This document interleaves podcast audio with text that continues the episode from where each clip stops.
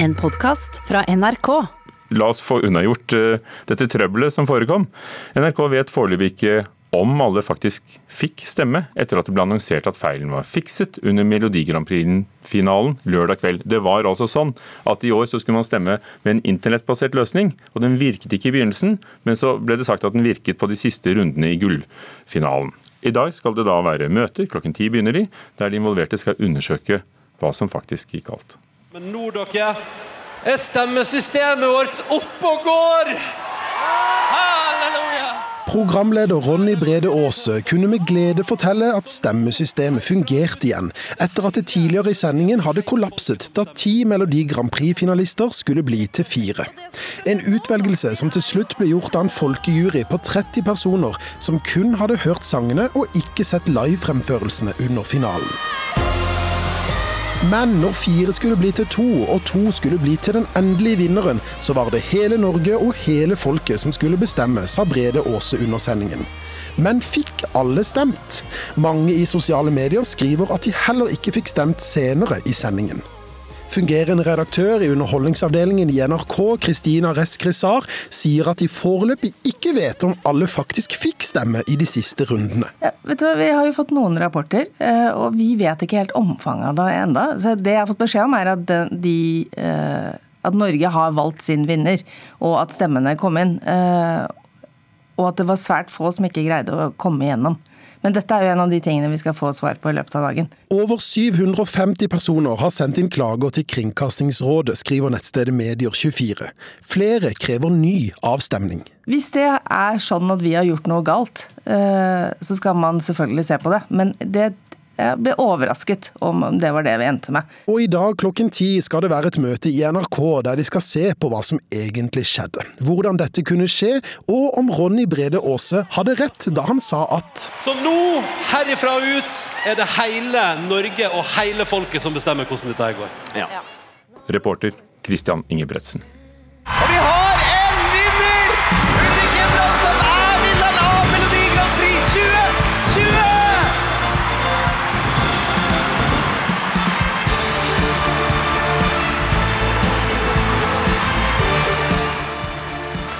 Rockemusikk og det hele.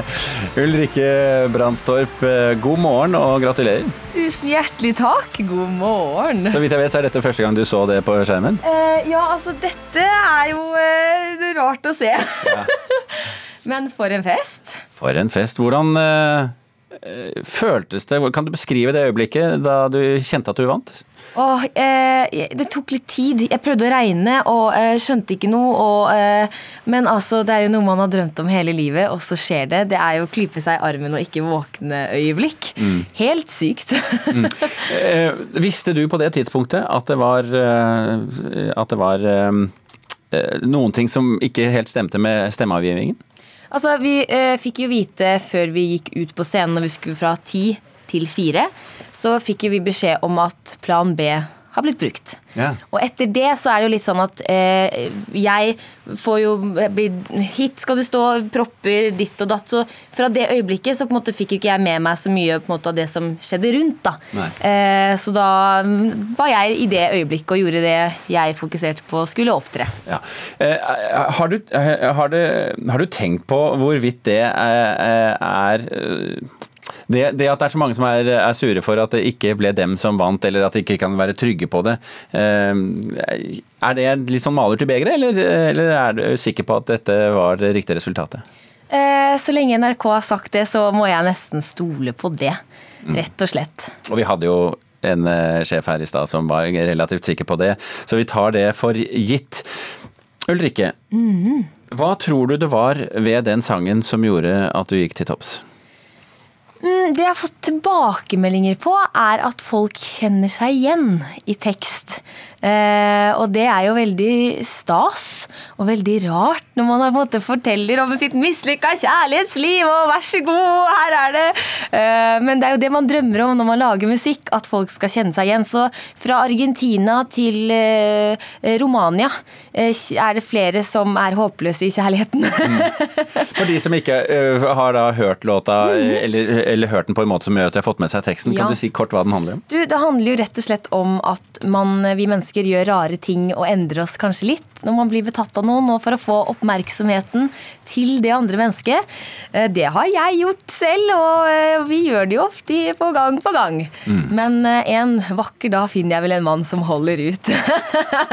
Det er et godt budskap. Um, Ok, Nå må vi gå til finaleforberedelse. Det er riktignok ganske lang tid til. Vi snakker om 16. mai. Det er noen måneder. Hva gjør du? Jeg skal prøve å sove litt. Eh, Det er veldig lurt. Det et godt tips. Ja, og så skal jeg ut i Europa. Jeg skal spre det glade budskap. Jeg skal spre musikk. Jeg skal på faneventer. Keiino gjorde en fantastisk jobb med å eh, representere Norge. Jeg skal prøve å gjøre like mye, om ikke mer. Um, og så skal man jobbe med finaleshowet og øve og eh, Ja, så det våkentid er arbeidstid. Det blir eh, bare mer. Eh, eh, Har du fått en, en kjøreplan for ditt virke nå de neste to månedene? Eh, Tre, tre månedene? Du, Man lager jo litt timeplan selv også. Det handler jo veldig om hva man gjør sjøl. Å reise ut på disse eventene og sånne ting, det er på en måte ikke i regi av NRK. Um, men jeg skal møte NRK uh, senere denne uka, så får jeg på en måte vite mer av liksom selve Eurovision-planen. da. Eh, og så er det opp til meg sjøl hvor mye jeg gjør etterpå eller rundt. Mm. Men du sier at dette har vært en eh, drøm for deg eh, lenge. Nå, eh, da må vi jo kunne si at nå lever du den drømmen. Hvordan tror du det blir? For vi, har, vi, vi vet jo at det blir enormt mye oppmerksomhet. Det er garantert. Hvordan blir det Hvordan tenker du at du skal ta vare på deg sjøl oppi det hele, som du sier, også få søvn? Du, øh, jeg øh har en veldig fin familie, veldig fin manager, fint støtteapparat. NRK er flink oppi dette her. Og, og så er det Jeg kjenner at Veldig glad for, eksempel, at jeg eh, vant nå i forhold til for tre år siden jeg var med sist. Blitt litt eldre. Ehm, det er litt storm, men jeg har eh, gummistøvler og regnjakke og regnhatt. Og kan stå godt i denne stormen. Uansett hvem som hadde snudd seg mot det pressekorpset på lørdag, så hadde de fått de samme spørsmålene. Så nå skal vi gønne på mot Rotterdam. Og blir det trist og leit underveis, så kan du alltid dra hjem til Sarpsborg og få Du, det er noe med det. Serp venter. Ulrikke Brandstorp, takk for at du var med oss i Nyhetsmorgen, og lykke til med prosessen videre. Tusen hjertelig takk.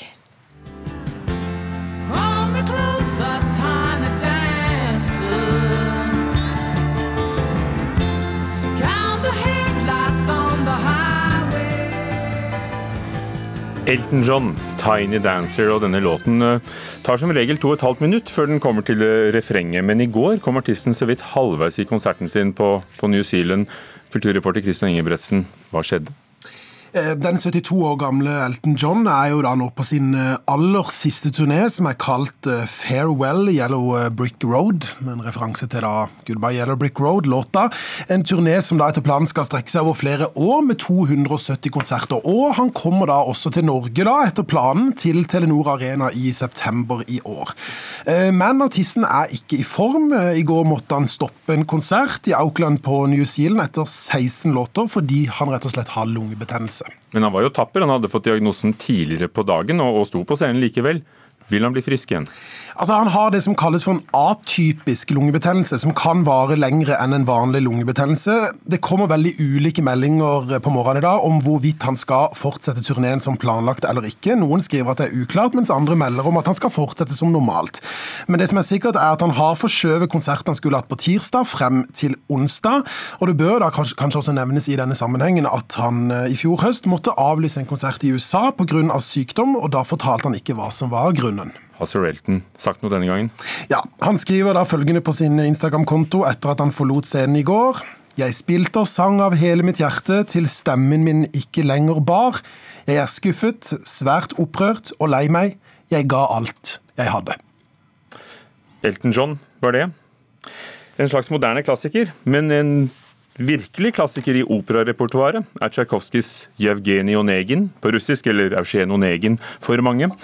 Lørdag kveld var det premiere på en helt ny oppsetning på Den Norske Opera med Audun Iversen, som vi ble kjent med i Nyhetsmorgen her på fredag, i hovedrollen.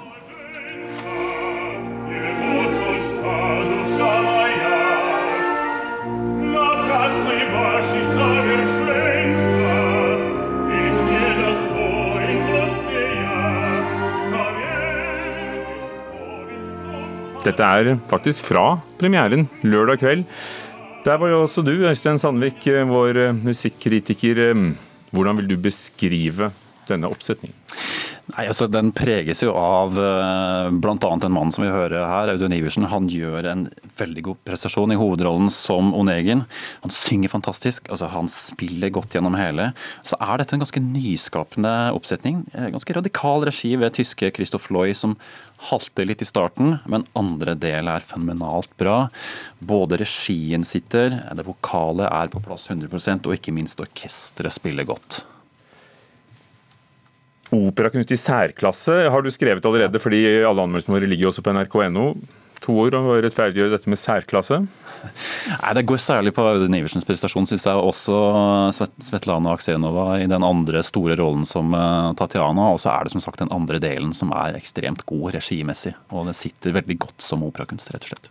En klassiker både i operaverdenen og i litteraturen. Hva er Jevgenij Onegin, Eugen Onegin, for en historie? Ja, Det er jo basert på en versroman av Aleksandr Pusjkin fra 1920-tallet. så klart at For russere så er dette veldig stort. Det er deres nasjonaldikter. Um, utenfor Russland så kjenner vi kanskje Jevgenij Onegin først og fremst fra Tsjajkovskijs uh, opera. Og Da er det litt annerledes enn det litterære. Da er det mer de store følelsene som er viktige. Det er handlingen, det er de viktige valgene i livet. Det er alle de tapte mulighetene. Det er feilene vi gjorde som kanskje fikk fatale konsekvenser. Eh, Og Tsjajkovskijs musikk har noen helt fantastiske scener og situasjoner som brenner seg fast i minnet. Brevscenen med Tatjana, duellen mellom Lenskij og Negin. Og den har noen av de fineste ariene som er noen gang skrevet. Christoph Loy heter regissøren du nevnte, er fra Tyskland. Han var her og satte opp Wojciech for eh, noen år siden. Hva har han gjort med historien? Ja, Det ligner jo på det han gjør med Wozzeck. Altså, han er jo en regissør i det europeiske toppsjiktet. Han er flere ganger prisbelønnet for, uh, for det. Eh, Han har denne spesielle evnen til å trenge inn i hovedkarakterenes syke ved hjelp ofte av veldig enkle og nakne scenebilder som da fremstår som på en måte verden sett gjennom denne karakterens øyne. Første del, eh, Tatjana, hovedpersonen, funker ikke så bra. Litt overspilt, litt rotete og litt utydelig, syns jeg, første del. Eh, Men andre del, der kommer det veldig på plass, hvor scenografien blir veldig enkel, naken og abstrakt, helt hvit, en veldig grunn scene, som gir et tydelig visuelt uttrykk for Onegens fall og totale distansering fra omgivelsene, bortsett fra da selvfølgelig fra Tatjana, som nå er det eneste som betyr noe for Onegin.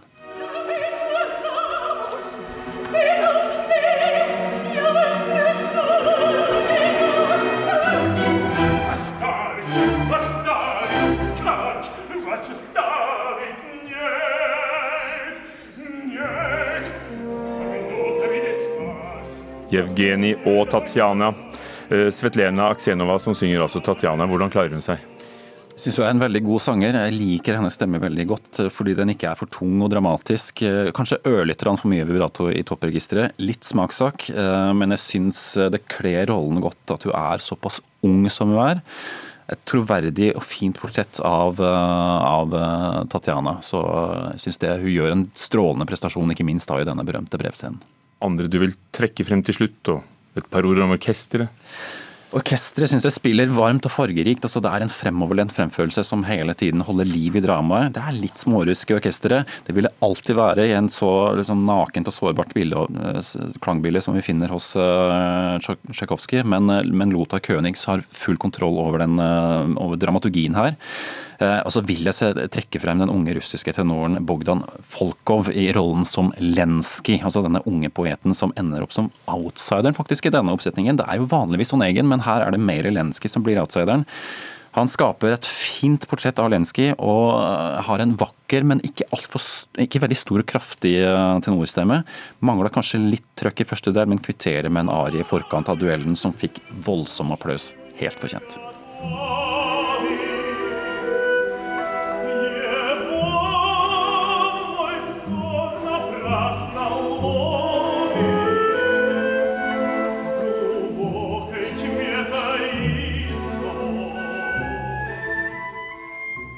Lenskis arie. Fra Jevgenij Onegin, Eugen Onegin, som hadde premiere altså på Den Norske Opera i Oslo lørdag kveld. Den skal også til Barcelona. Det er en eh, samproduksjon. Og så var det Lothar König som dirigerte operaens kor og orkester. Takk skal du ha. Litteratur... Nei, litteraturkritiker. Det er jo litteratur òg, men her var det musikkritiker. Øystein Sandvik, selv om det begynte med en bok.